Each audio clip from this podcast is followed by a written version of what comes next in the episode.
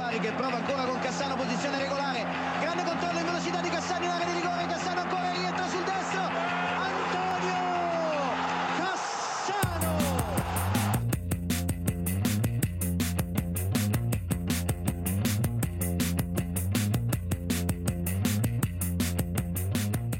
Já, það er til basta vikunar. Það er tvöföld umferð, svona eiginlega hjá okkur.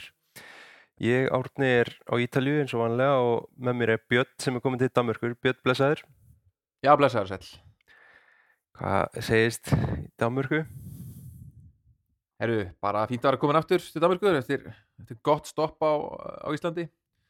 Það er alltaf svona næst að vera komin hérna út og hérna sólinn farin að skína og fara að hlýna í veðri og, og, og þetta deildirnar farin að hérna, nálgast lok, endalókin bæði hérna í Danmörku og Ítalíu þannig að það er alltaf, alltaf gerast núna maður þarf að vera á tánum en maður þarf að fylgjast með öllum öllum þessum fótbolta sem er farin í gang Já, þetta er alltaf, við erum að taka upp sko, já, í setni háluleik á 33. umferð hérna á miðvíkudagskvöldi. Það sem að, já, Napoli getur tryggt sér titilinn uh, ef að Lazio mistiðu sig gegn Sassuolo. Þeir eru, eins og staðin er núna, einu marki, já, eitt nú lifir gegn Sassuolo og, og ég held að, ég held að þeir klárið þann leik.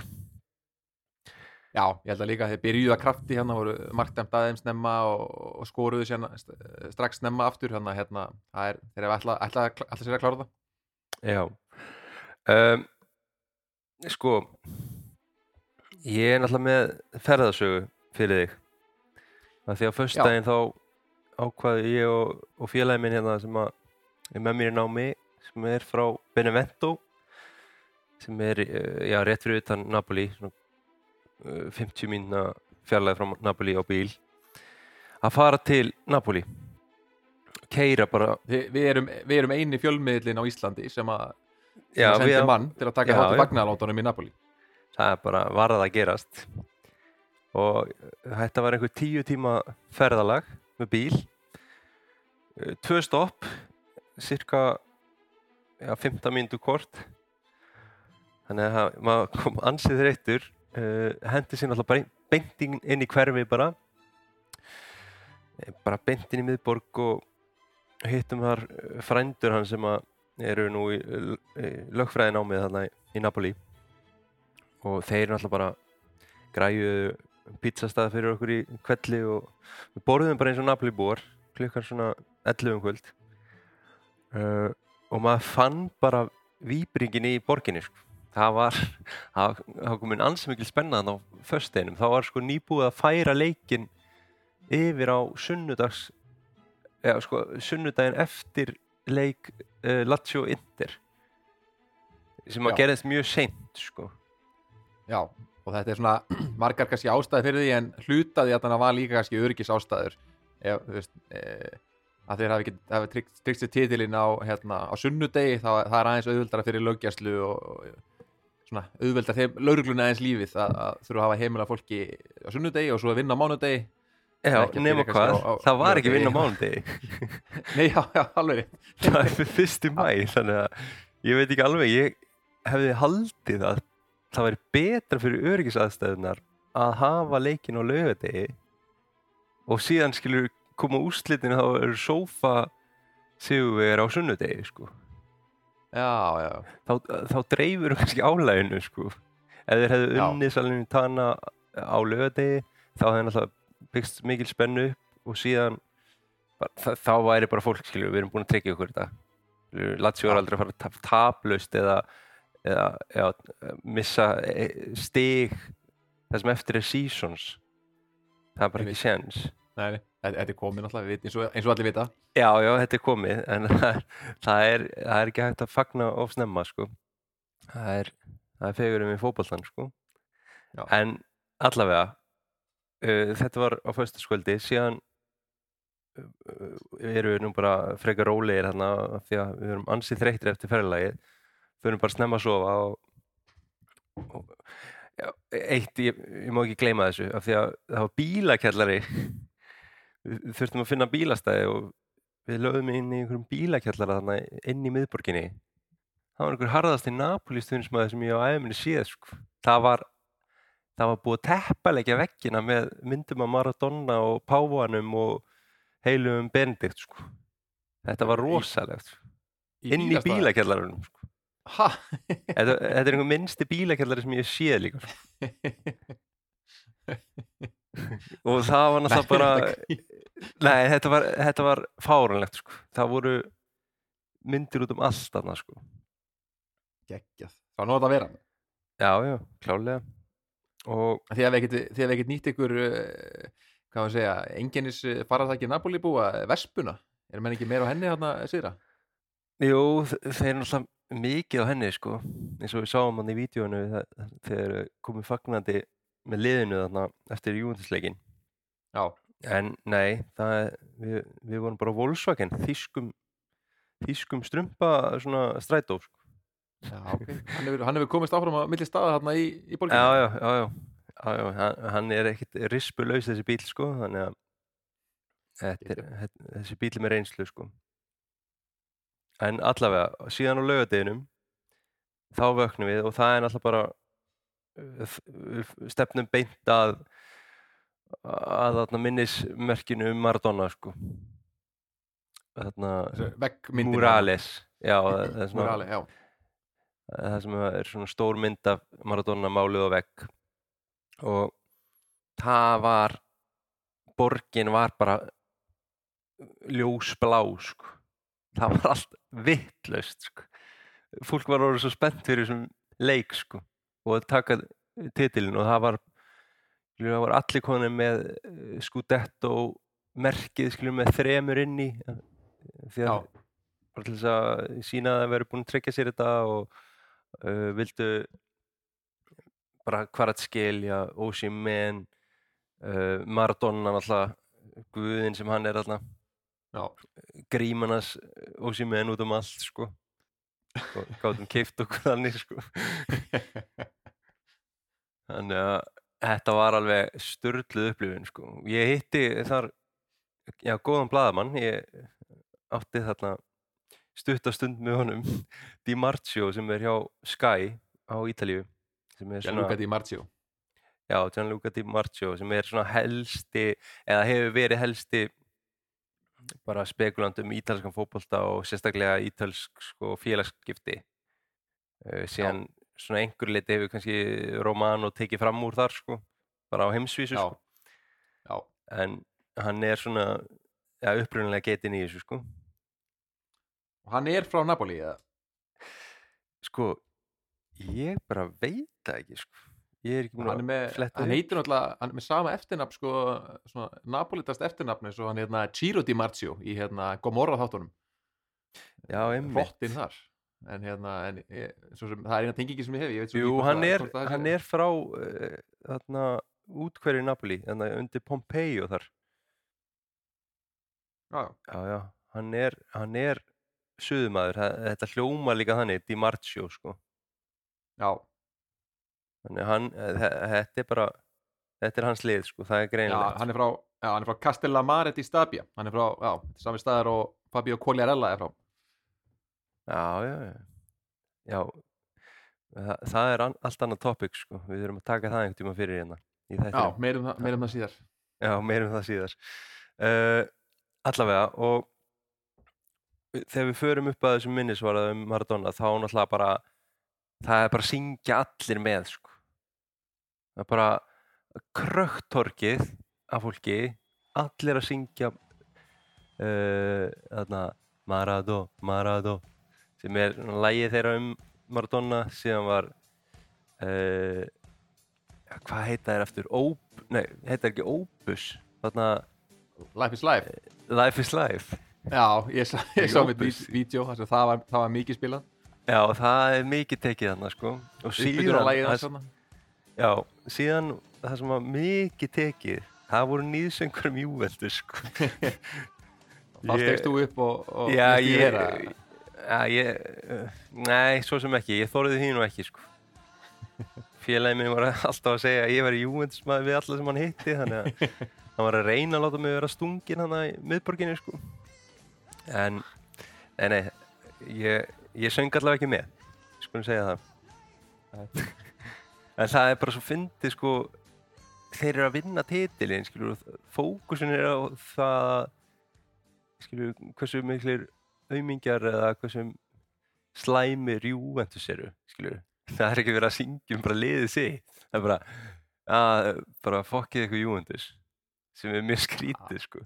Napoli eru menn alltaf litli sko, alltaf litli, litla liði sko, alveg þótt Já, samáttu sést í, í valdastöðunni út alltaf, alltaf að kýla upp á því sko. Já, það er enda rétt sko. En síðan, já, förum við þarna frá Napoli til Benevento af því að við, þar áttu við, það var fjölskyldu, stór fjölskyldu dinnir með fjölskyldu félagminns og mér var bóðið og það var, það var böku pizza og, og ákveðið að horfa á leikinn saman sko, þar. Af því að það vildi ekkert allir verið í Napoli. Já, þannig að við sögðum nú við hvernig annan að ef að, ef að eh, ja, Napoli væri að fara að vinna þennan leik þá myndum við náttúrulega bara taka bílinn og bruna niður eftir sko, og taka partíið á sundarskvöldi sko. já, það var bara það, var, það, það hefði verið algjört möst sko. Einmitt. en því miður þá já, slökti Día framherri Salernitana bara í draumum Napoli búa að fagna þessu þarna á heimaðalli þvílíkt mark sem að gæinn skoraði sko.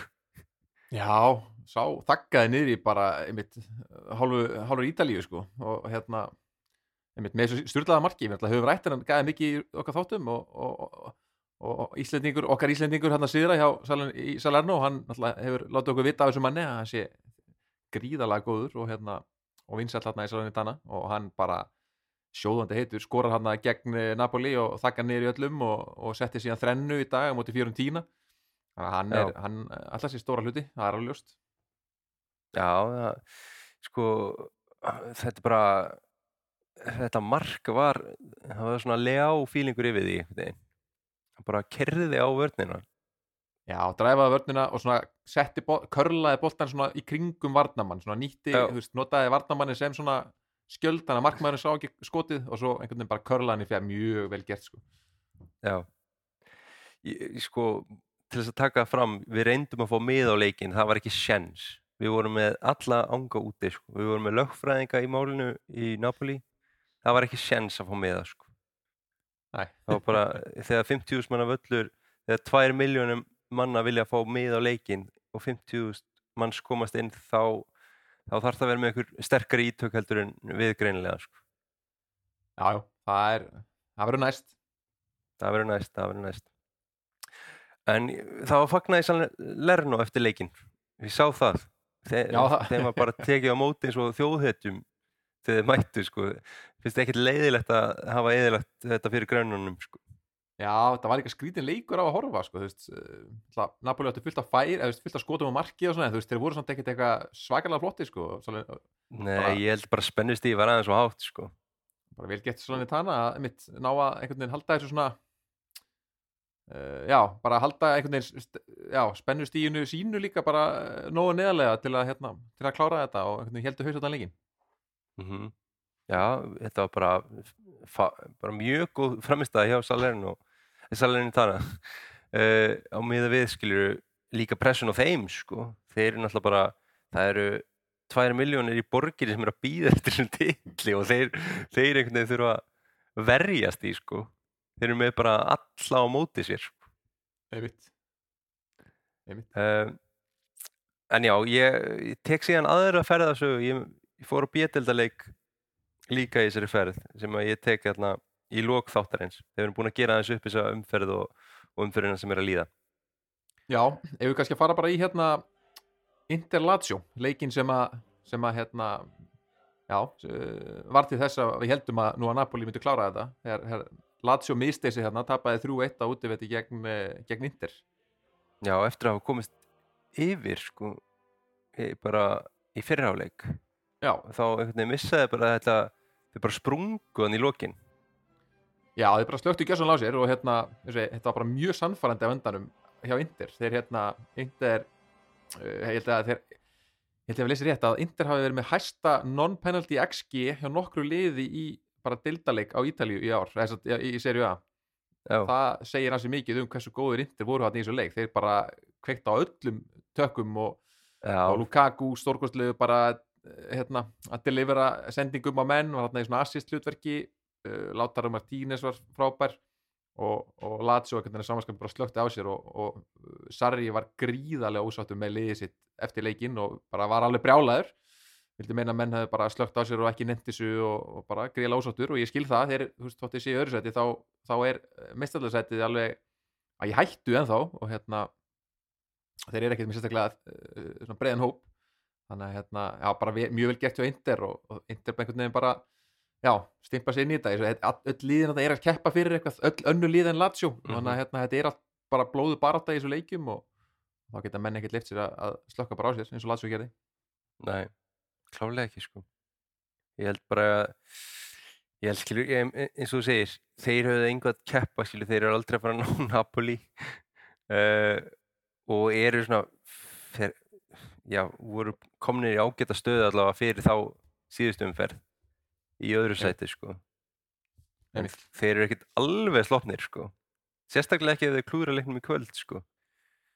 Nei, nei, einmitt og eins og ég, Inter, já, Lukaku fann að hitna sem, sem að veita gott fyrir, fyrir hérna, mestrarlildar innvíði þeirra við, við granna sína í AC Milan Mm uh, Robin Gosen skoraði hérna síðasta marki eftir sendingu frá, frá uh, Lukaku en hann mittist þegar hann satt, Fór að axlarliðið skalla bóltan eða tók einhverja fáránlega hjóliðarspinnu já, og, eða, nei, svona, svona hliðarspinnu og lendi skringilega og bara já, fór rækslalið sennilega og verður ekki með allan næstu leikjum.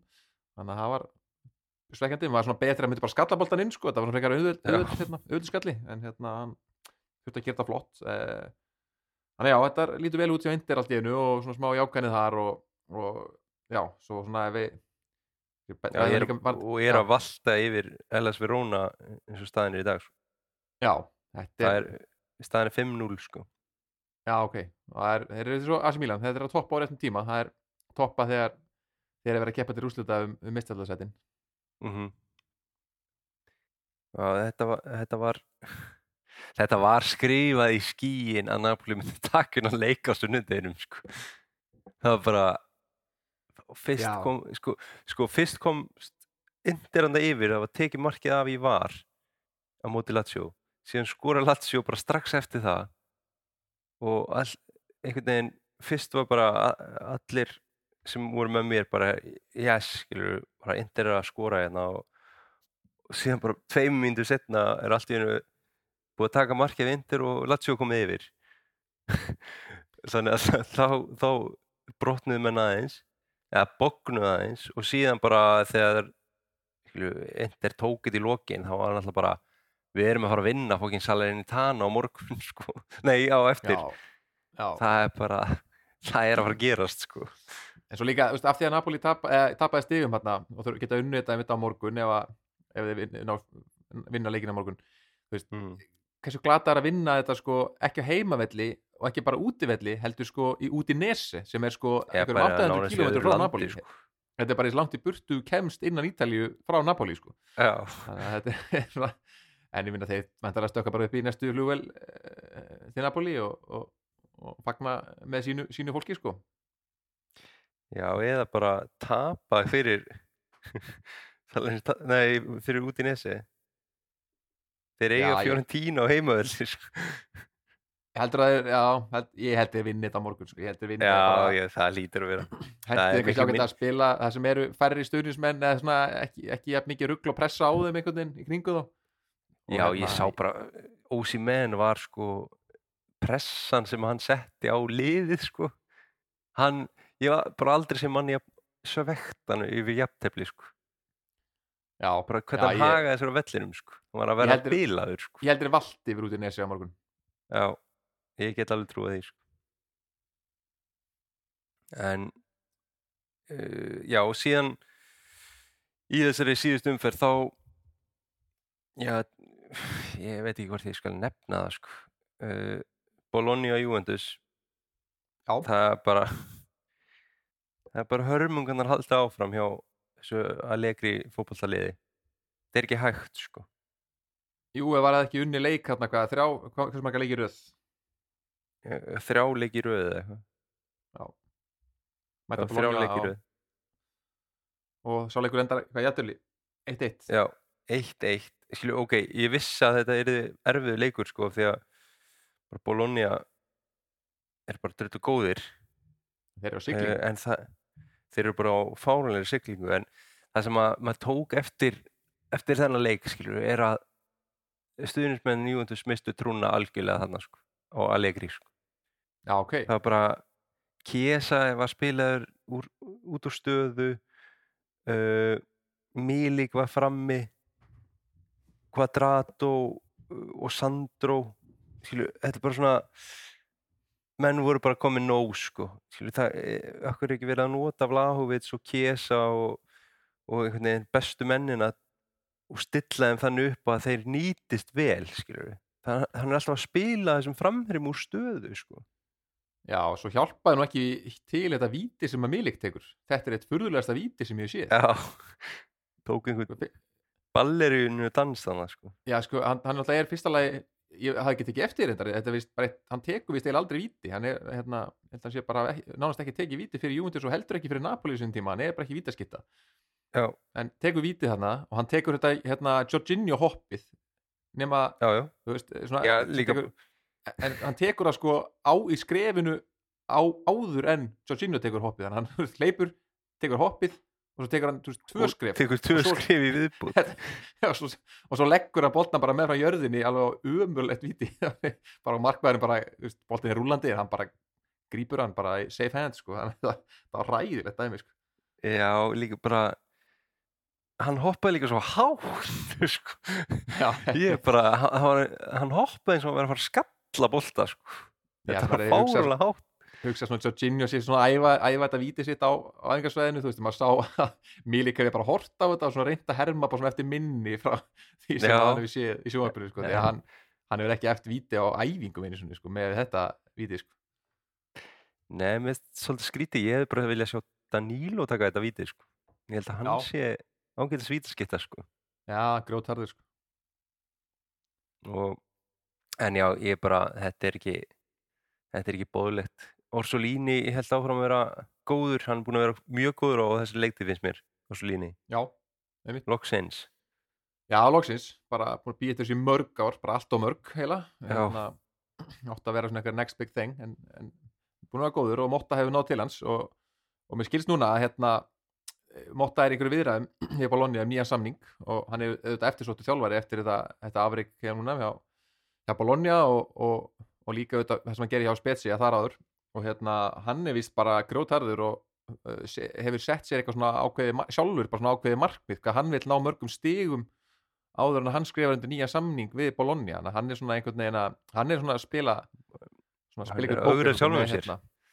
já, hann er öðru sjálfur sér og, og svona já, er með eitthvað plan hvað hann vil gera og hvað hann telur sig geta að fara langt með þetta Bologna-lið ég veit ekki hvað hversu ofalega hann telur sig geta að fara með það bara þessari leiktíð en, e, og hvort það sé einhverju líkur á því að hann verði áfram. Ég ég vil halda að hann myndi kannski vilja hlusta á hvaða tilbúð koma frá öðrum en hérna en kannski, kannski klúpur er líka tilbúin að lofa honum einhverju lofa honum einhverjum hérna leikmönnum og styrkingum og svona. Já, það er náttúrulega líka bara miklu minni pressa eldur en annar staðar þannig að það er náttúrulega hjálpar aðeins. Já. hann vill svona kannski já, koma sér í sess með be betri þjálfurinn þá er kannski bara fínt að vera þarna í 1, 2, 3 ár sko. Já, fá að smíða kannski svolítið lið bara og svona, já, Já. Bologna á alveg einhvern pening og þú veist, það þetta er alveg professional klubur sko, þannig að hérna, kannski er Mhm. hann einhverjum þannig pælingum.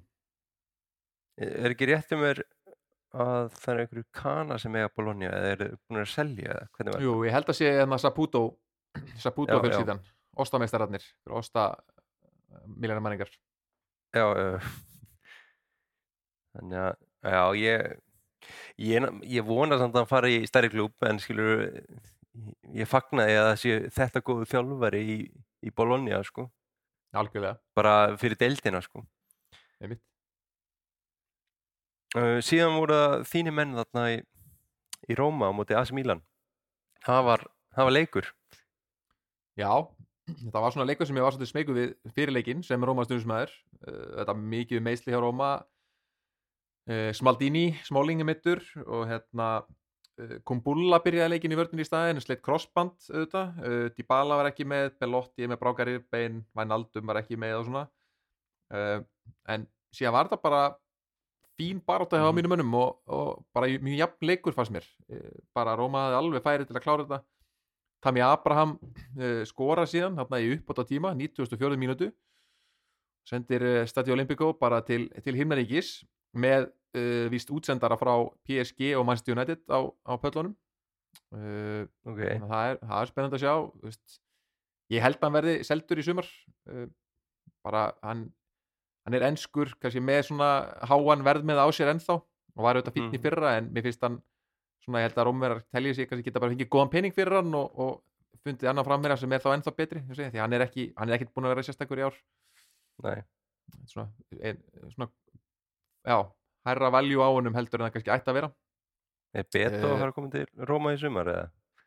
Já, Beto, ég held reyndar að Beto væri síðan eiginlega verri útgáfan af af uh, honum sko Nei, nei, Eh, nei. þá vil ég frekar hafa þá vil ég frekar hafa Tami sko en hérna, en hann skora 94 mínútu og bara flott moment og hann er átt erfitt uppsáttar og hann heldur hann að hann sé búin að koma inn aftur.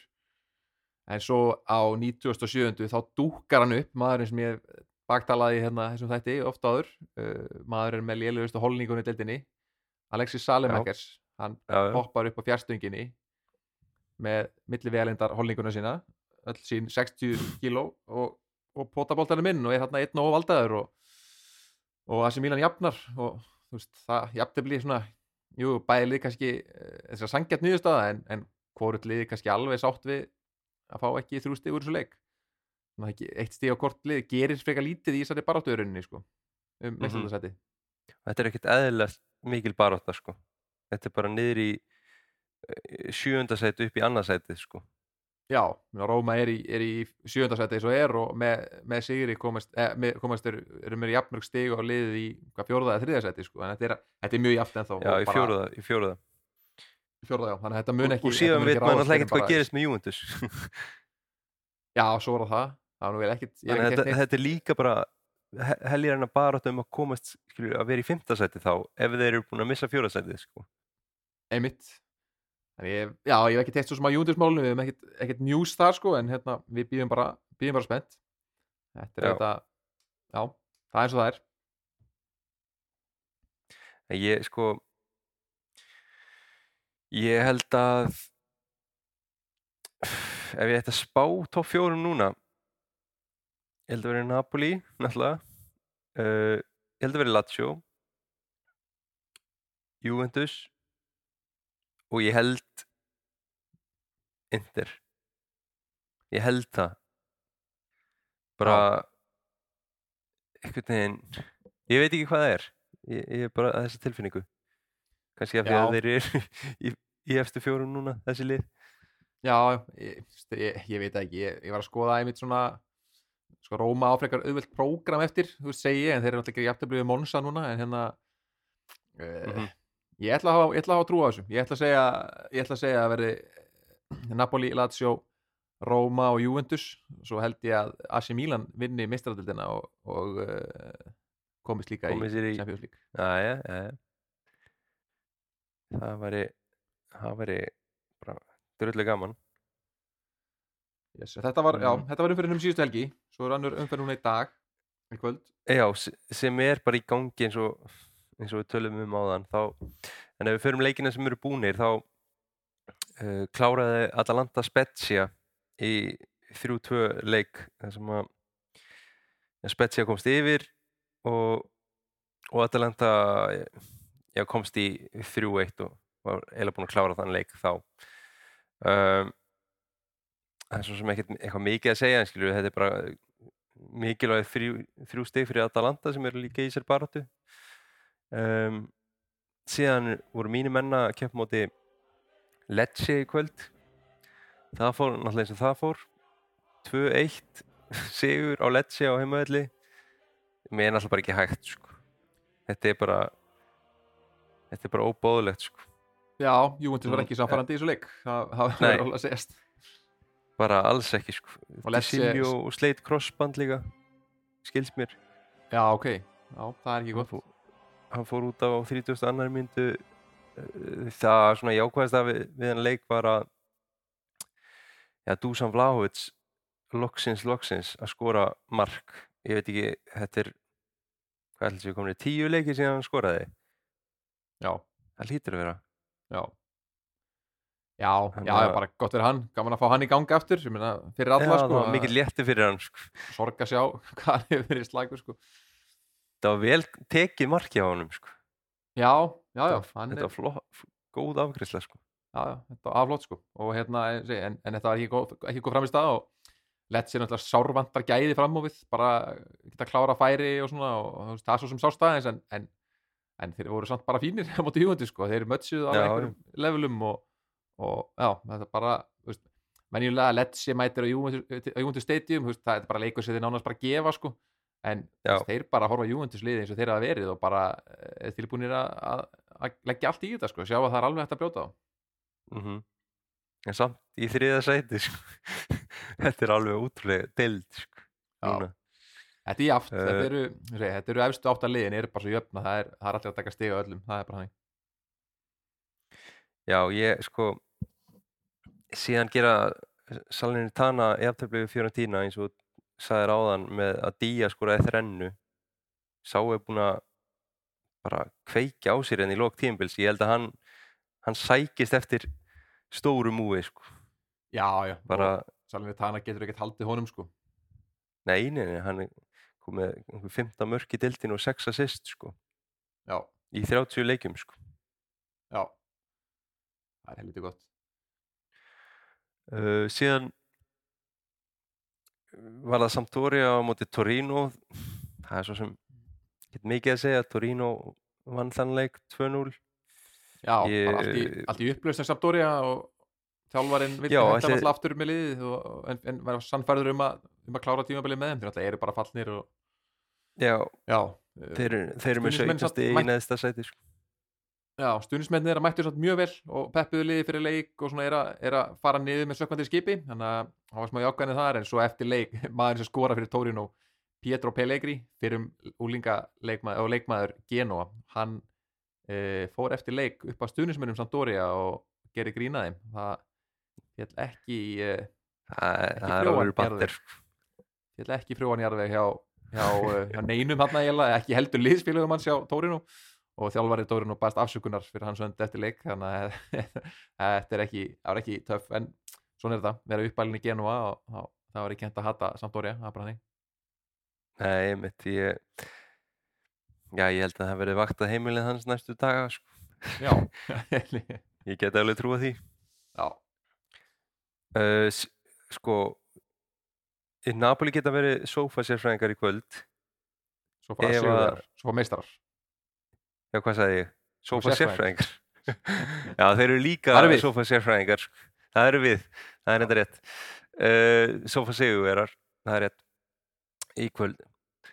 Og það, það þarf að gera það að Lazio tapi stigum gegn Sassuolo. Þeir eru, já, leikurinn er að klárast. Það er ennþá 1-0. Þannig að ég ætla bara, kannski áður en að eða bara lefum þessum leikjum að klárast og ég taki bara ferðasögun núna svona meðan við býðum eftir síðustu tölum. Já, það er að segja part 2 Ítalíu. það er Benevento Já. Jú, það var Benevento, Parma á mándeginum ég á þessu eh, sunnudegi þá var hann að pizzaveislan og, og þa þar hitti ég sko lækni lækni Benevento. Harður Benevento maður og talaði mikið um De Serbi við mig sagði að það væri einhver mestu topp maður sem hann hefur kynst og besti þjálfari sem hann veit um sko. þannig að og ég er bara samfæriðist og ég sagði bara já, ég er bara 100% sammálið þér hann er náttúrulega bara að gera stórkostlega hluti búin að gera það náttúrulega með já, öllum liðin sem hann hefur tekið Eh, Sassuolo gerði hann mjög góða hluti, hann gerði fína hluti hjá Benevento og, og núna hjá Einmitt. þannig að hann, hann sagði að hann sagði að, að, að það væri einhver mest eðal maður sem að hann þekkti sko. Já, sko, já, það var, hann tók við Benevento de Serbi hérna þegar komu upp úr serju A já, Nei, upp úr serju B, hérna fyrir nokkrum bónu Já. síðan og þeir töpuðu fyrstu tíu leikjunum og Já. gátt ekki keift sér stig og hann tók við þeim og þeir voru hérna með stórfurulitli með Bakari Sanja mætti allt í Já. hennu, hann var hættur í fótbolta hann mætti, og tók eitthvað last dance ævintýri hérna með, með þeim hérna Sandro Braslíumæðurinn sem er í Tottenham sem var, Já, svona, var búin að hóta bumbunni bara meðan hann var í Tottenham sko, og var endanlega komið með vömb hérna í Benevento en samt með, með alveg forveik gæði sko.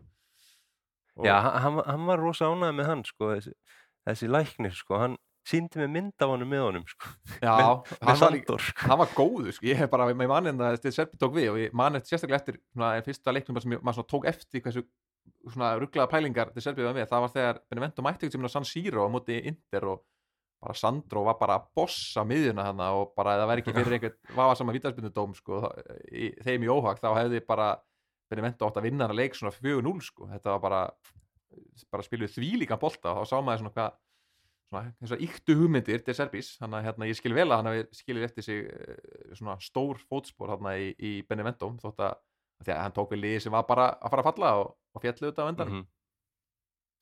Já, en og síðan sko já, síðan segir hann bara við okkur hérna, herru þið eru að fara að koma með leikin á morgun sko. ég, ég býði ykkur bara í, í tribúnuna sko. það, það kemur ekkert annan til greina sko. þannig að hann græjaði með það fyrir okkur þess að horfa á já, Buffon og félaga eða Buffon og félaga Buffon, Buffon og félaga uh, í Parma sem er náttúrulega bara Benevento voru í neðsta sæti fyrir umferðina og Parma í einhverju fjórða eða fymta, fymta uh, í harðari playoff baráttu. Bara um, skiptir miklu máli hvar þú ert í playoffinu. Um, og ég, og ég er náttúrulega bara ég hef ekkert séð að Benevento á þessu tímbili uh, og var bara spenntastur að sjá Buffon og, og Del Prato í hægri bakverðinum hjá Parma. En ég var ríkalega heitlaður af þessum Bernabé á miðjunni hjá Parma. Það var bara fáranlega góðu spilari sko. er það svona tjúkuleysnum bara- já. Hann, hann, skilju, hann er bara á miðjunni skilju, hann er hann var dýbr en ég held sko, skilju, hann var eh, som var fyrir framann miðjuna sem ég held að vera að spila á miðjunni. Þannig að hann var svona léttleikandi djúpu miðjumæður eiginlega. Já, eh, sem var, sem var bara það var unn að horfa á hann. Parma komast yfir snemma í leiknum eh, með bara frekar auðveldum hætti. Þeir voru fáránlega góðir á tímbili í leiknum, bara spiluðu eins og já, ekki verra heldur en neðstu liðin í Serie A einhvern veginn bara fókbaltin sem spiluðu sko. þannig að Franco Vasquez frammi.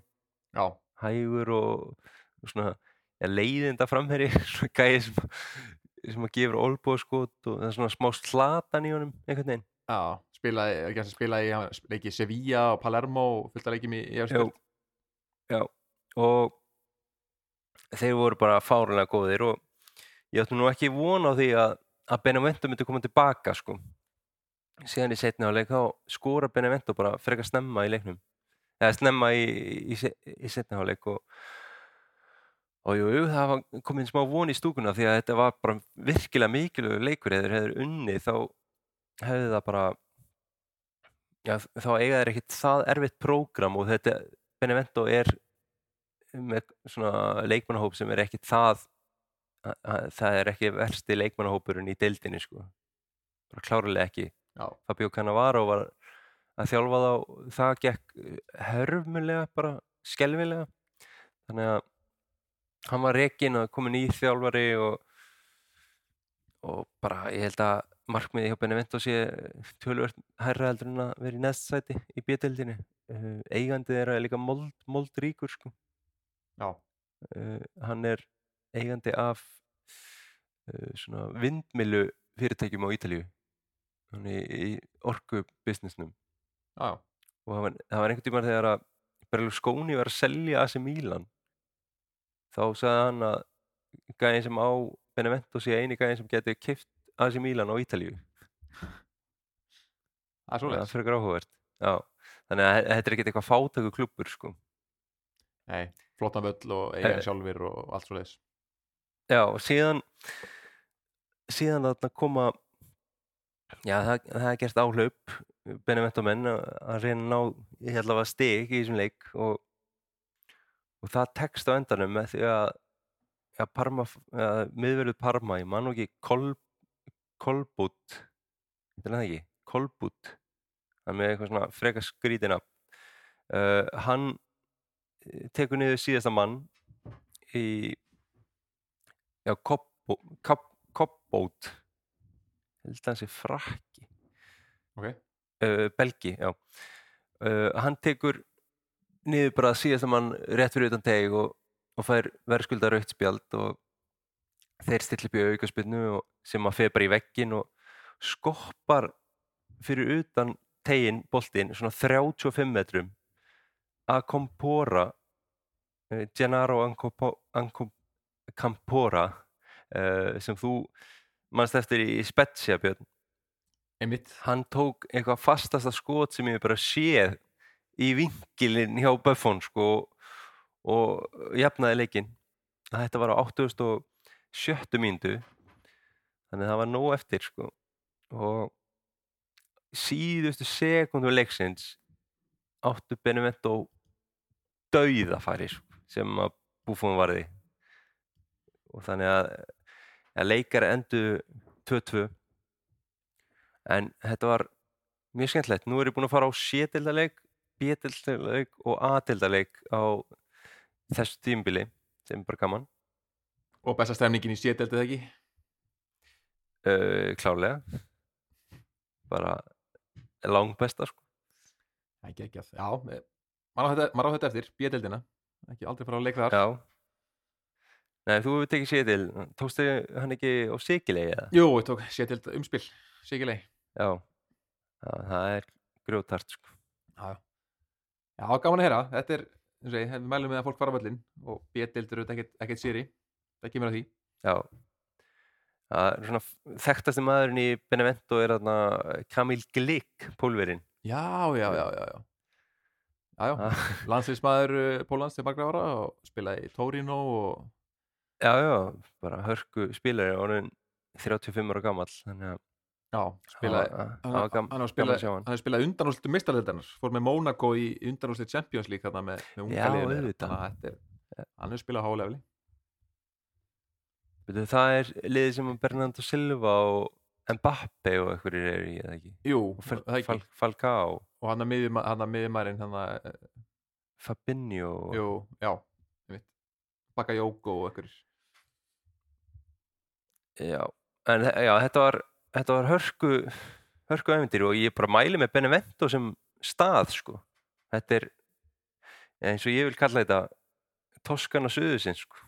Já, Þetta er bara allt grænt þarna, smá svona fjöll, ekki, ekkert eitthvað það há, dalir, uh, vín, matur, bara, það vantar ekki neitt annað, sko. já, geggjað Og, og lítið af ferðamönnum sem er náttúrulega alltaf, alltaf jákvætt að þú ert að ferðast, sko. Já, já geggjað, þetta hljóma mjög vel ég bara eins og ég aldrei dóttið huga að fara þangað en hérna, kannski verður maður á leið hérna hjá að maður kíki stoppið þið hérna Já, mikið af uh, einhverjum rómuskum rústum og eitthvað fyrir ja, sögun nördana eins og mig. Já, einmitt Uh, en sko, umferðin er að klárast bara núna, hún er búin. Sko. Já, Lazio unnu Sassuolo, þannig að ja, þeir verða ekki sófameistrar í kvöld, þannig að það, það er nú alltaf skemmtilega að vinna eftir að hafa unni leik, sko. já þeir rúli yfir út í nesi á morgun og, og segir svona 5-0 og Geta fagnað, sko. já, svo fagnaði því almennilega og Þeir, já, þeir tóku 2-0 Já. með Sassuolo, uh, Filipe Andersson og, og Basic já, sem skoruðu mörkin. Mm, þínu menn, Já, jafntefli við eitt eitt. Já, þetta var bara Já, við náttúrulega erum ekki með eh, Dybala. Og þá er þetta alltaf brass og hérna, já. Svona sem ég sá, voru bara frekar jafnleikur þannig sé sko, Monsa og heimavelli eru, Monsa er alltaf bara með fínt lið og, og það er bara þannig. Eitt stig út Já, er, Palatino, það er verið að orða hann við Juventus núna. eh, hvað segirðu? uh, Palladino. Já, þjálfar, já, ok.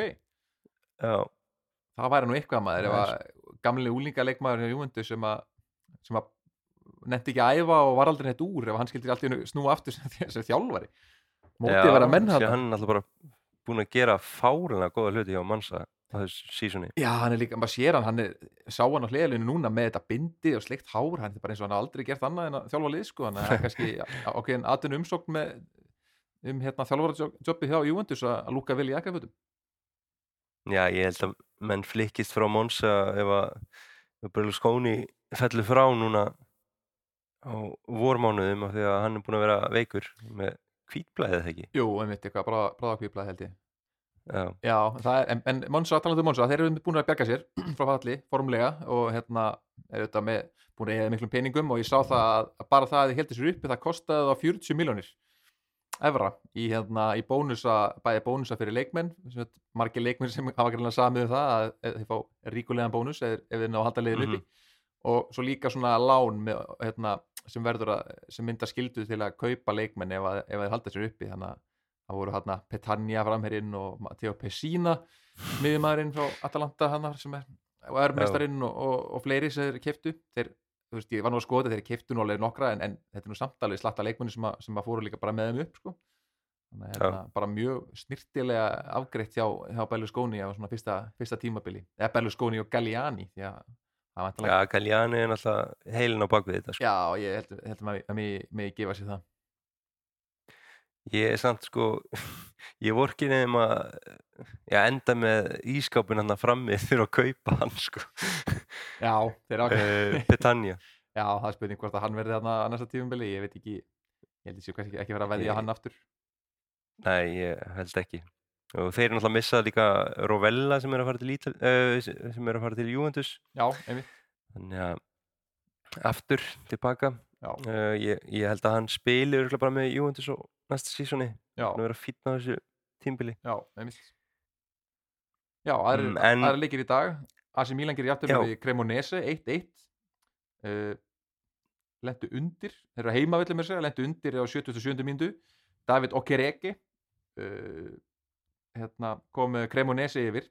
Skemmtikrafturinn frá, uh, frá Venezia í fyrra fjall með, með, Mhm. með íslendingunum okkar í Venezia í fyrra hann uh, kom Cremonese yfir og svo var ekki fyrir á 93. mínútu sem að Messias sjálfur mætti, Junior Messias og þessi það þurfti bara það þurfti aðri mátavöld til þess að skila þessu stíi heim sko. Já, heldur betur og hérna, já, þeir hann að það eru, eru nokkuð leið sem að er að mistiða sig hérna í, í Europabaratunni þannig að þetta, þetta verður þetta síðustu síðustu fimm umferðir verða, verða svaðalega sko Já, þetta, þetta er bara bardaði fram í síðasta dropa bara sko. um, síðan já, síðasti leikurinn það var Elas Verona Inter 6-0, Inter eru fljúandi sko, Já, núna. Inter eru fljúandi Ekki- og, já, og, og bara einmitt fannir að spila vel og svona góð stemning í hópnum aftur. Það er ekki alla, all, alltaf þessu umræðu um að hvort þjálfarinn verið rekinn eða, eða hvort Lukaku sé feitur eða latur eða hvernig það er. Nú er einhvern veginn bara verið að svona rally á hópnum saman og, og svona, menn kunna þetta. Þegar þegar er komið að stóru leikjum um mistældinni þá þurfa menn bara að snúa bökum saman og, og svona finna formið. Mm og bara Hellas Verona í náttúrulega bullandi fallbarátu ennþá. Já, þeir náttúrulega voru eiginlega bara fallir hérna í uppæði tímabils en síðan eru þeir eiginlega búinir að pulla The Great Escape og eru svona að reyna það. Og já reyna að- það. það lítur bara út fyrir að það geti tekist því að þú veist, þeir náttúrulega heldur tveimur leikjum núna nei, hérna, eh, Verona, en þar áður unnu þeir slatta leikjum í röð og eru, búin að vera rönni og þeir eru með jafnmjög stig á Spezia og með við Mhm. formið á Spezia þá bara held ég að Spezia sé líklegri til að falla sko. ég, ég bara sé miklar blikur á lofti hjá þessu Spezia-lið sá aðeins að þessum Atalanta Spezia-leik áðan og þú veist, þeir bara, þeir, það er bara ómargir slagi leikmenn hann í þessu liði þeir seldu þetta uh, veist, besta hafsendi sinn hann Jakob Kivior til, sem var að spila í sko, titilbaratuleiki á Arsenal í, í, í gær og hérna og já, bara búin að missa of, of mikið og bara ekki já, heldur kannski að þeir væri búin að bjarga sér og þeir getur bara að fara að losa leikmenn og, og svo pening en þeir bara verðast að falla núna þetta er, þetta er að býta á þeirra sinn já, þeir eru bara búin að vinna tvo leiki á þessu ári sko. Já, þeir eru bara búin að hrinja niður sko. Uh, unnu þarna Inter og uh, Torino já, svo hafa verið einhver meðsli við mitt á svona leikmunni sem voru að spila vel en ég meina þeir kiftu, veitum Mikael Egil fara hann í, í janúar til uh, hérna, til Venezia og fengu þá í staðin einhvern og sótti einhvern annan miðjumann í staðin sem áttu að vera svaka góður frá spal sem Mhm. að, mér finnst ekki það að geta þannig að já, bara lélegar ákvörðantökur í janúar eru að, að sökka þessu, þessu spesialiði en það er spurning hvað gerist sko. þeir eiga Cremonese í næsta leik sem er þeir verða bara að vinna sko. já, Skilu, Cremonese eru fallnir þeir eru ekki fara að ná þessu. Um, þeir eru með 21 stig. Næsta lið fyrir ofan þá Hellas Verona og Spezia eru með 27 þannig að ég skilur ef að Spezia ætla að halda sér þá verða þeir að vinna Cremonese, Lecce og gera allavega jafntefli við Torino. Þeir eiga líka AC Milan og Róm Róma á útivelli. Þannig að Já. já, ég held að ég er svona farin að halla staði að þeir fari niður líka. Uh, við töluðum um það í já, einhvern tímanum miðju tímabili þá spáðu þið að Spezia myndi fara niður. Ég sagði að þeim myndu halda sér. Já, þannig að það- það verður ég, ég vona að þeir haldi sér. Mér finnst þetta skemmtilegt lið. Já, ég líka. Ég er bara, já, mér finnst þetta skemmtilegu klúbbur, ég veit ekki hvað það er. Já, sammála, bara búið að vera skemmtilegt projekt og einhvern veginn bara gengi vel og þú veist, alltaf poppar upp með skemmtilegum leikmönnum og þjálfurum minna milli og, og svona á, góðar ákvörðunatökur oftast, oftast, oftast nær en, en þetta hefur farið, farið virkilega bara fram á hengifluginu núna í, í januar og hérna við vonum að, að sumafrístaður mikli, La Spezia sé með hérna, serju alið á, á næsta ári.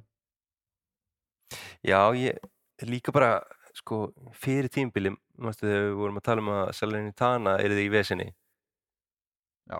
þannig að eh, talandi um sofa sérfræðinga sko, þeir eru búin að bjarga sér skilju, það er áttastegi niður í fallsæti sko. Já Já, Ég þeir eru líka alltaf ekki meira peninga Salernitana, Salernitana voru að kaupa fyrirliða Spezia sko, fyrir tímabilið þannig að svona mm Það voru greinlega einhverjar gullkistur sem að fundist í, í Salerno sem að menn hafa ekki fundið annar staðar þannig að hérna, þeir bara eru með fínt lið og hrúðin leikmönnum bæða á síðast tímbil og þessu þannig að það kannski já, og meira móða en, en Spezia er, að- er að fara þetta á líin einni og með á frekar litlu budgeti.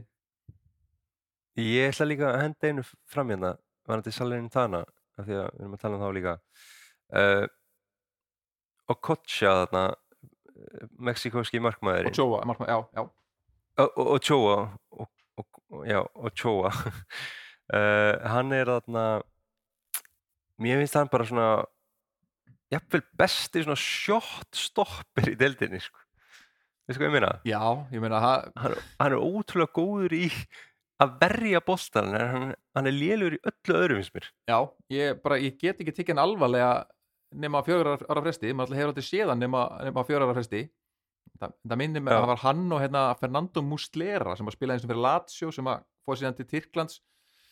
Og maður bara glemdi hann alltaf að hann væri til sko, Já, nema þegar maður sá hann alltaf með Úrugvæ já, Úrugvæ einmitt. Og alveg sama bara hvað hva hann var gamal alltaf var hann drein og floti á Úrugvæ og, veist, og var ekki góður en hérna en og Jóa, hann er bara veist, hann alltaf er í liði sem að færa þessu mörgskot hann er bara í shotstoppi hlutverki og þá í því er hann geggjaður. Og þú veist, bara ég veit ekki hversu marga fyrirsegnir ég sé þessu tíðanbili sem er bara hann og Jóa bjarga salin í tana hann á hérna 12 vörslur í einum leik eða eitthvað og, og sumar já, þetta er fárulegt sko. besta reel hjá ein, bara einu leikmanni í dildinni sko, útileikmanni eða markmanni það er reel hjá Ochoa því að hann á að bílaða vörslu sko.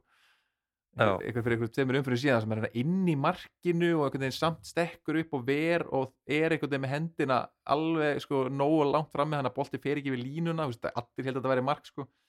Veist, hann á bara einhver alveg glóri í vörslu sko. hann, hann er bara mjög góð kaup hjá, hjá Salernitana og hérna já, hann, hann er að minna á sig sem, mark, sem markmaður, hann er, hann er til uh, ekki já, bara ég, ég bara ég dýrka að horfa á hann sko. Líka, það byrjaði maður stu skelvilega hann fekk einhver 5 eða 6 mörg á sig hann í fyrsta Já, leik. Asi Milan leikurinn já, Þetta í- já.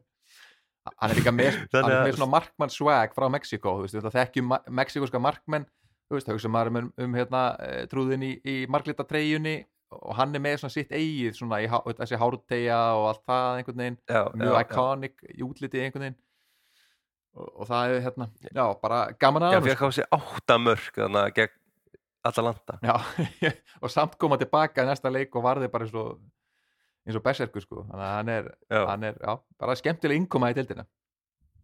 Já ég, ég kann vel við hann. Mm, Síðan á morgun er það já, Napoli sem að tryggja væntalega titilinn. Þá á móti út í nesi og Empoli einhvern veginn glimtast að liði í þessari deild finnst mér mæta Bologna. Já, Empoli er mitt svona liði sem er alltaf búið að, tryggja, að halda sér uppi bara frekar snemma og, og eftir það bara fara þær í sumafrí sko að þeir eru svona nánast ekki ekki alveg öryggir en svona nánast að ég held, en ég held mm við, já, ætti nú að vera bara auðvöldur Bologna sigur held ég. Já, ég held það líka.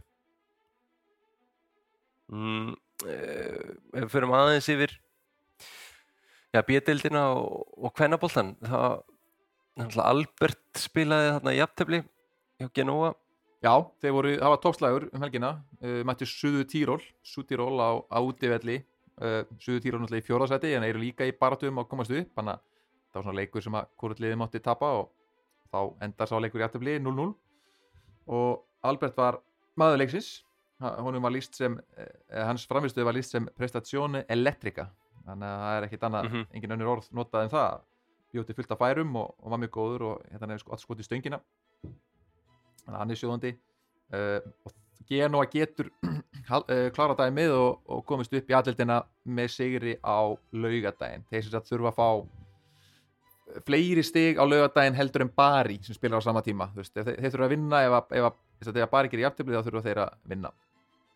Uh, Mhm. þannig að það er nú bara líkur á því að þeir ná að klára þetta hann á, á sínum heimavelli og bara gaman að fá hann upp og fá, klára dæmi það það er örugglega smá stress í þeim. Já, það er bara- Genoa mönnum, bara fínt að klára þetta sem fyrst. Þannig að það sé ekki eitthvað svona last minute dramatík þar. Já. Sko talandi um þe- þetta eh, playoff sko eh, þeir náttúrulega já, geta tryggt sér þetta annarsæti til þess að sleppa við playoffið sko Venezia er komnir í, bara í sveitan playoff sjens þeir eru einu stíði frá playoff sæti. Já, og það eru því leikir og eftir. eru að spila fáranlega vel sko. Já, og ég meina bara liðið var í fallseti þegar Mikael Eil kemur hann í janúar og hann er búin að spila bara alla leiki eða síðan og, og hérna Já. er unnu núna uh, var ekki í þessari umferð? Hérna, Jú, eh, þeir unnu Modena 5-0 í þessari umferð Já, sko. 5-0 það sem að finnin geðu í þannig að Joel Poyanpalo. Já. Setti fer, skoraði þrennu. Já, þrennu, já. Og fernu held ég mér að segja. Nei, fernu segi, fernu segi Og hann, og þessi finni er hérna markaðasti leikmaðurinn í Serie B eins og staðan er núna, hann er í hérna 17 mörg Þannig já, líka bara geðvöku karakter sko, hann fæði sér alltaf bjóra eftir leik sko. Já, alvöru, alvöru finni. Og hérna, en, en ég er svona held að það væri einhver ungur gæi sko, þetta væri eitthvað svona, þeir þeir verið að púla eitthvað svona eins og ég gera á Íslendingana að taka eitthvað svona unga finna líka, en hann er 20, Já. 28 ára, hefur spilað í, verið að mála hjá Leverkusen og, og Union Berlin, en einhvern veginn alveg flóið fram hjá manni, uh, nafnið hans. En mm hann er búin að sjóðandi heitur og, og hérna, og þeir bara eru búin að vinna já, hérna, hérna, fimm að síðustu sex leikjum og, og bara já, sjóðandi. Og, Mikael Eil bara á, á stóran þátt í því. Og, ef þeir farið í umspili þá mm getur allt gerst. Þeir náttúrulega fóru upp fyrir tveimur árum uh, í gegnum umspilið, mjög óvænt komist rétt svo slefið inn í það og, og með Bjarkastein hérna innan borðs þá, þá fór, sem spilaði í umspilinu þá komist þeir upp og hérna það væri nú þeim líkt að, að komast aftur upp þannig eftir að hafa verið bara í bot, botbáratu framan að tímabili. Já, ég sko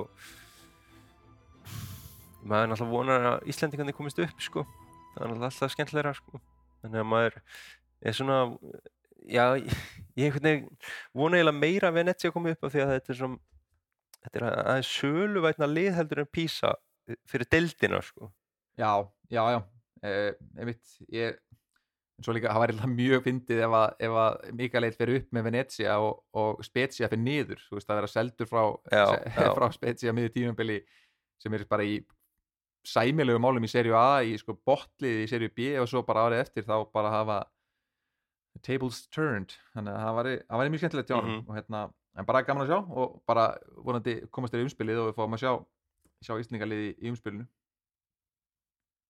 Já, það, það veri já, bara Íslendinga slag sko. Já, Ísa er hann í sjöndsæti þeir eru í töpuðu, þeir eru í basli eru, svona, eru, eru hætt á því að detta úr uh, umspilsæti Hjörtur spilaði Mhm. leikinn núna, hann er búin að vera inn og út síðustu leiki, en hérna já, þeir í Písa er ekki það, er- aldrei jákvætt þegar að það er verið að hrópla í vörnin einhvern veginn. Nei, og mér steldur engin lókik í því sko, bara stundum hann á bekknum og stundum í byrjunliðinu og, einhvern veginn. Já, þannig að það er eins og það er. Uh, Já, það voru, það voru uh, Íslendingarnir, eða ekki? Svo Jú. það má nefna Það það passar. að það er auðvitað Frosinone sem er komið upp. Þeir unnu serið B. Það geta held ég formulega unni hérna um helgina. Uh, og þeir auðvitað eru þjálfaðir af Fabio Grosso sem er að er sem bara er að- stimpla sig inn, já, heldur betur. Uh, það er alltaf fullt af fyrir landslismönnum og heimsmyndurum Ítalíu hérna, að þjálfa í dildinni og sem hafa verið að þjálfa þessu Mhm. tímabili. Fabio, Fabio Grosso hefur fyrir mörgum árum þá las ég einhverstaðar að, að me, menn í í, hérna, þjálfara menturinni á Ítalíu vildu meina að Fabio Grosso væri einn efnilegasti þjálfari landsins en Já. hann svona hefur Hann er að sanna það. Já, svona hefur verið upp og ofan hjá hann hinga til var, veist, þjálfaði Bari, kom þeim ekki upp töpu held í umspili og er svona upp og niður og fór síðan til Sviss og þjálfaði þar og var ekki síðast en fekk að þjálfa frá sér núna núna og vera að koma þeim upp að, en ég minna að þetta er veist, þetta er Ítalía eh, menn fá fleiri sjensa sem þjálfarar veist, menn er ekkert bara stimplaðir mm Mhm. einhverju lúserar að þeir eru reknir veist, það er ekki eins og, ekki eins og Englandi þannig að hérna ég meina, hann, geta allt svo stóran góðan þjálfaraferil fyrir fram að sig sko. Við vitum með Carlo Ancelotti og Marcelo Lippi og, og allir Max Allegri og allir þessi gæjar sko. Þeir, þeir áttu alveg brösulega byrjun á sínum þjálfaraferli sko og áður en þeir hérna fóru síðan að Já, geta bara margir, marg, margir af þessum þjálfurum eins og bara Spalletti, skilju, hann er búin að þjálfa bara alls svona lið í neðri deildum, sko. Já, já, já, Antonio Conte sko, sem var landsinsmaður Ítalíu og hann fór á þjálfaði ykkur í serju B, hérna, Siena og Bari og, og veit ekki hvað og hvað sko, áður en hann fekk, fekk hérna, stóru giginn, hann að hérna, já, já, Mhm. bara gaman að sjá Fabio Grosso og hann er bara að sjá hann einhvern veginn hann alltaf var, hann lúkkaði ekkert eðla vel 2006 með svona smá krullutnar smá svona blöytt hár með hérna Mhm. svona brosið eins og hann hafi nægast snuð þangað til að hann var uh, tvítur Já, bara með þetta iconic fagn, sko. Já, og svo er hann mættur núna Geðveikt, sko. með geðveika skeggrót sko. Hann er bara þetta er eins og, gæin í hérna, þáttunum Jú, bara kolsvart hár, Já, eðla vel hýrt og svo skeggrótin alveg bara þvílík stert líka, hann er, hann er með já, gott hárgeim og skegggeim sko, þetta er alveg doppelt þrett. Mjög, mjög hrifin af Fabio Grosso. Já, það er bara, það verður gaman að sjá það á, næst tímbil í aðdeildinni. Um, ég ætla bara að óska þér til hamingi með titilin í, í kvennadeildinni. Róma, Rómakonur tóku og, og kláruðu það núna í vikunni. Já, ég er bara búin að vera að drekka kampavín í öll mál síðan. Já, bara flaggaði, flaggaði heila stöng og, og, og stemning hérna. Nei, það er bara gaman að sjá það þetta var nú, það voru nú langt á undan hinu liðunum svona, það var, þetta var svolítið svo Napoli það var svona tímaspilsmál hvernig þetta er í endanlega staðfest. En Mhm. hérna, já, það er unnu þarna uh, unnu Fiorentina uh, Alexandra spilaði þann leik ekki, hún var á bekknum held í allan leikin þegar Róma vann sér Fiorentina 2-1 og uh, það var fyrirlið Róma Elisa Bartoli sem að skoraði einmitt sigumarkið og hún er einmitt Róma stundismæði frá, frá blötu Bassbeini, búin að vera fyrirlið hérna frá stopnunlýsis og bara svona Já. mjög íkonist að hún skildi fá að, að klára þennan leik og hérna bara gaman að sjá gleði sinnur, fyrsti titill kvennalýsis hjá Róma sem var stopnað fyrir fimm ára síðan og bara gaman að því sko. Og svo var gaman að sjá í fagnarlótunum líka. Það er hérna norski leikmaðurinn Emilia Hofi hún, uh, hún uh, myndband af henni það sem hún er á bekknum og er að opna svona fána sem hún hefur pantað á netinu svona norska fánan til að vera með í fagnarlátunum og yngur hennar opnar ítalska fánan og hún opnar sinn fána og þar er ekkert annað en íslenski fánin það er náttúrulega alltaf gott, sko. Það er svo geðveikt, sko. já það er alveg hún reyndar er ekkert mjög sátt með þann fána en hérna hún nú alveg skilt að bara fagna með honum. Þannig að, þannig að við áttum okkar fulltrúa þarna við, við Íslendingar í, í þessum, eh, þessum það, það, það, við áttum fána allavega í fagnarlótunum. Já, en annars var þetta nú ekki settu helgi fyrir hérna, íþjóku stelpunnar, eins og segi, Alessandra spilaði ekki uh, Guðni, ætla er held ég meitt uh, uh, og hérna Anna Björk spilaði ekki og en San, uh, Sara Björk spilaði allan leikin hjá Juventus, þeir geru 3-3 jafntefli, uh, æsispennandi jafntefli við AC Milan Mhm. Það er eitthvað, ja, mínar, mínar konur í Juventus þurfa eitthvað kokka eitthvað upp fyrir næsta sísón sko. Já, Þetta, þetta sísón var ekki alveg nógu gott sko. já, maður er ekkit Það er svona miður við hversu gott það var í fyrra sko. Já, maður er ekkert heyrt sko hérna með Söru, hvernig, hvernig það verður hvort hún verður ekki örgulega bráfram, ég á svo mikið vonu öðru hún er búin að vera svona að spila alla leikin ánast þegar hún er búin að vera heil já, og, hún er búin að vera alveg þokkalega mikið heil undafarið allana mm þannig að bara vonum að hún, hún verða áfram. Ég, ég er svona heyrt að, að Anna Björk er eftir sótt af, af liðum á Íslandi og heyrið svona eitthvað dorrum um að Valur sé eitthvað að skoða hana. Þannig að hérna sjáum hvað gerist þar. Já, og, og Margrét Átnadóttir hjá, hjá Parma, hún, hún hefur ekkert spilað alveg nóg mikið eftir að hún kom þannig að e, hvað í janúar Jú, hún hefur bara nánast eiginlega ekkert spilað sko. Það- sóttu hana og nokkra aðra framherjaði viðbót sko. þannig að þetta var svona, voru að hrúin leikmönnum en, en þannig að það spurning hvort, að, hvort hún verið áfram eða hvort hún komi heim í, í hérna, bestu í sumar Já, eitt að lokum, við ákveðum að búa til svona sammeilegt lið AC Milan og Inter fyrir mestraröldaleikin bara fyrir þetta tímbil hvernig, hvernig þessi lið hafa verið að spila og, og, og hverjir hafa verið bestir í þeim, í þeim liðum sko. hvað stillum þessu upp, hvaða uppstillingum myndir vilja nota? Sko, þeir ætla að hafa verið að spila svolítið ólíkt en hérna já, ef ekki taka bara fjóri, tveir, þrýr, einn það er kannski auðvöldast að ná inn kannski svona flestum leikmönnum þar sem meika sens. Mm Já, og Eh, markmaðurinn er kannski svolítið gefin eða ekki? E, jú, hann er mjög gefins e, Mike Banyan, hann er bara búin að breyta þessu tímbili fyrir AC Milan. Já, og, og úr hörmungum eftir að Rúmenin var í markinu með sígarettu þannig í einhverja þrjá, fjóra mánuði sko. heimitt og, og þá er ekki tekið af og nanna, ég menna Inter er með frábæðan markmann líka en það bara, mæni hann er, er bara kannski eitt svo besti heimi akkurat núna. Já. Uh, síðan var það já, hægri bakverður ég við ekki með Calabria þar í bakverðinum Já, ég, sko, mér langar svolítið að setja hann hérna Darmian sko. já, uh, ég einhvern veginn ástæða fyrir ég með Calabria er bara hvernig hann slökti að skelja gegn Napoli í öllum þessum leikjum. Já, það var endur alveg Það title winning dæmi sko. Já, en uh, já, ég skal gefa það ég skal gefa þér þennan. og fyrirliðin líka Já, fyrirlið líka, hann, hann tekur þetta á því en, en Darmian Já. sjátt átt líka hann búin að vera, mér finnst hann búin að vera mjög góður og líka búin að spila í þykja manna þess að trafsend og, og sem vangbakverur og bara, þú veist, reynsla, solid Já, ég myndi ha- hafa hann í þryggjamanna línu ef við værum með þryggjamanna línu sko. Já. Þá myndi ég hafa Darmian. En uh, miðverðu, þá, já, ég myndi segja að eitt væri gefið allavega. Já, ég myndi hafa Bastóni í vörninni.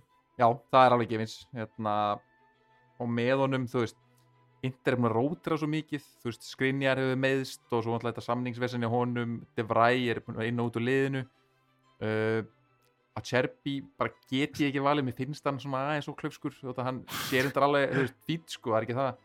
En uh, það er ekki bara Tomori? Þegar hann er heill og svona á raunni, þá, þá er hann, finnst mér bara geggjaður sko. Jú, ég held það sko. Ég held að Tomori er þetta alveg skilið sko. Um, síðan í vinstri bakverði, það er alveg erfitt val þar líka. Já, nefnilega Uh, það er Di Marco eða Hernández. sko, ég vil hafa Hernandez sko, Nei. menn, hann er bara besti sókna bakvörður heims í dag, allan vinstra megin finnst mér, mér finnst bara þú veist, hann er, hann er skrítinn hann tekur skiptar ákvarðanir stundum og, og svona hausin á honum er stundum upp í afturnutanum á honum en bara hann er með svo rosalega X-faktor, bara þessi hraðin hans og hvernig hann getur stundum þegar hann hefnast að taka menn úr sambandi og næra að komast inn í hausin á mönnum þá eru bara, þá er dómarinn mættur að raðspjalda anstæðingana sem veginn allir missa hausinn sko. uh, Mm þannig að já, hann er djarfur en, en ég ætla, ég veist, bara hann finnst erfitt að sniðganga Hernandez þar. Já, Di Marco er búinn að vera frábær í bakverðinum hjá Inter sko, þannig að já, það verður ekki tekið af honum en ég er sammálaðir, líka bleika hárið sem hann rokkaði hann í Já, síðustu umferð. það er eðlilega nett sko. það er bara það, það, það er át og sæti fyrir hann fyrir það sko.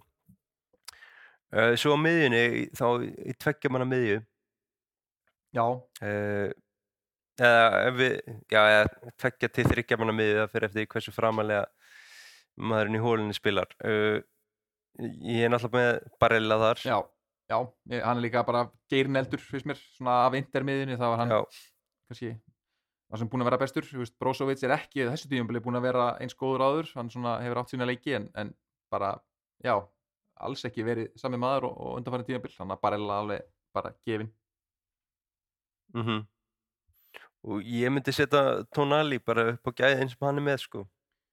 Já, ég bara eða sammála sko, þú veist, mér finnst alveg það eru aðrir sem komið til greina mér Benacer byrjaði vel sko. Já, Benacer er mitt á góðan degi, er líka geðveikur sko, en, en já, þetta er alveg bara heilt yfir og hann er bara að bæta svo miklu vopnum við vopnabúrið sitt, veist, hann er vinnu semin í honum og varnavinnan og hann er bara mjög, orðin mjög þroskaði miðjumæður hann er ekki Mhm. bara lengur eitthvað svona mjórgæði sem að lítur út eins og Pirlo og er með fína sendingar sko, hann er einhvern veginn komið með bara baráttu og, og svona já, klókur bara, hann er, er mjög hrifin á honum og, og já, hann, á, hann á að vera hana Já uh, síðan í þessari já, þessum þremu fyrir framann við erum eiginlega að spila þetta kerfi sem að AC Milan er svona, spila best í og það er eiginlega ástæð fyrir því af því að við verðum að hafa uh, lega á, á kantinum sko. ég, ég vil ekki setja hann fram sko. já, já, þannig að, að, að Rafael Leo er á vinstri kanti Já. já það er bara gefið og það er gefið og það vita allir hversu góður hann er um, ég, ég er með De Ketilari í hólunni ekki sammála því eða? Já, ef við erum að taka saman ruslalið ruslalið tíðanbilsins, þá væri hann sko með, í hólunni með tíuna og fyrirliðabandið sko. Já, nei, ég segir svona ég, ég er með Brahim Díaz sammála því Já, ég, eiginlega sko, þú veist, þú segir miðjan hjá Inter, þú veist Mikitarian hefur verið góður þegar hann svona, hérna í, þegar Inter hefur verið góður þá hefur Mkhitaryan verið mjög góður en ég veist Brahim Mhm. Díaz bara, veist, hann er einmitt líka með svona X-faktor, hann kláraði hann er svona taktiska svona svona, hvað við segja svona, hérna, taktiska pústlið sem að Pjóli notar þegar hann þarf að breyta ykkur leikjum, þú veist, eins og þau tóku Juventus mm. -hmm. byrjun tíma beils, þá var hann svona leikmaður sem engin bjóst við og allt í hennu var hann bara kláraði kláraði leikin og það sama var við um hérna á móti Napoli, hann býr til mörkarna með því að snúa af sér einhverja þrjá miðjumenn með einni hreyfingu Þú veist, hann er svona, já, Mhm. algjör svona hérna, enigma hann á miðinni, getur einhvern veginn bara já, svona au- auka leikmaður einhvern veginn þannig að ég, ég, ég vil hafa Brahim Díaz líka í, í hólni síðan er það á hæ- hægri kanti Hva, hvernig viltu setja þar? um, sko, er þú með eitthvað þar? Ég, það, mér langar ekki að setja AC Ég Milan. er erfitt að setja þetta einhvern bara AC Milan sem spila með að kantmann. setja mikið Tarjan Jú, það mætti alveg setja hann sko. Hann náttúrulega hefur spilað alla stöðu líka sko einmitt, og bara öruglega fýtni vangbakverði líka að, Eh. þú veist, Denzel Dumfries er náttúrulega verið í svona vangbakverði en mér finnst hann ekki ekki, ekki alveg til að gera tilgætt í þetta lið þannig að setjum bara mikið tæri en mér finnst hann alveg hann getur alveg spilað þar. Já. Síðan er frammeira staðan sko. þá þá uh, flækist málin. Uh, við einhvern veginn sammæltumst um það að Lukaku ætti að vera fram í þessu liði. Já, og veist, það er ekkert út af framistöðum hans frá í, í janúar til eh, mars á þessu ári sko, hérna máli líta burt, frá þeim. En bara heilt yfir, veist, Mhm. þetta eru Giroud hjá AC Milan uh, eða Divock Origi sem alltaf er afskaplega langt frá því að vera í þessu lið þú veist, Giroud er búin að vera fín en ekkert, stórkostlegu þannig séð á meðan við erum með sko Lukaku og Lautaro Martínez hinum einn og af þeim þá finnst mér bara einhvern veginn Lukaku bara þrettið í honum þegar hann er inn á vellinum. Þú veist, við, erum að velja kannski leikmenn svolítið á, á sínum betri degi kannski ekki alveg besta degi en allan, betri, á betri degi og, hérna, og þá finnst mér Lukaku bara eiga að vera það sko. ég get ekki réttlætt það að setja nýtt annan leikmann hann Nei, einmitt, ég er sammálað því sko Mm, Dzeko er náttúrulega bara drullu fítn en Æ, ég veit ekki, það er svona þessi X-faktor eins og þú talaðir um skilur sem Lukaku er með, já. Skilur, ef hann hittir á daginn sinn þá er hann bara Einmitt. En já, þetta, þa- þannig að þetta er uh, Manjani í markinu Calabria, Tomori og Bastoni og uh, Hernandez yes. Tonali Barella Leao, Díaz uh, Mkhitaryan eða Mkhitaryan Díaz það skiptir svo sem göllu og síðan fram með Lukaku. Já, þetta er sameinlegt lið, punts og basta. Já og betur, Milan og liðan taka saman hvað eru margir úr hverju?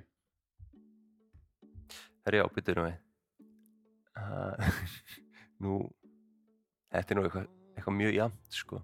Ég held að séu fleiri á AC Milan Manjan, Calabria, Tomori Tonali Brahim Leao Hernandez. Það eru sjö. Sjö fjórir. Já, og er það ekki, það það er ekki að AC Milan vinni eh, þetta einví, jú, það lítur að vera. Það lítur að ég vera. spáði því. Það ég spáði því en, en, en þetta var spennandi. Og ég held að, Já. held, ég held að Sigur Herru. veri meistardeldanar sé í þessu einví í undanúrslutum það, það er bara gefið sko. Það er gefið já en ef ekki bara að slá botnin í þennan þátt og, og, og, og vona bara að þetta veri hörku leikur þannig í mestrarleldinni mm, það er náttúrulega þessi Napoli leikur á morgun sem að við hvetjum fólk til að horfa á. Já, jafnvel að horfa bara eitthvað live streymi frá Napoli borg sko.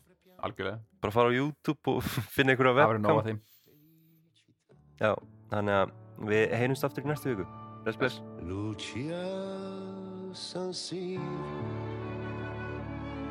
quella sera che c'è di strano siamo stati tutti là. Ricordi il gioco dentro la nebbia. Tu ti nascondi e se ti trovo ti amo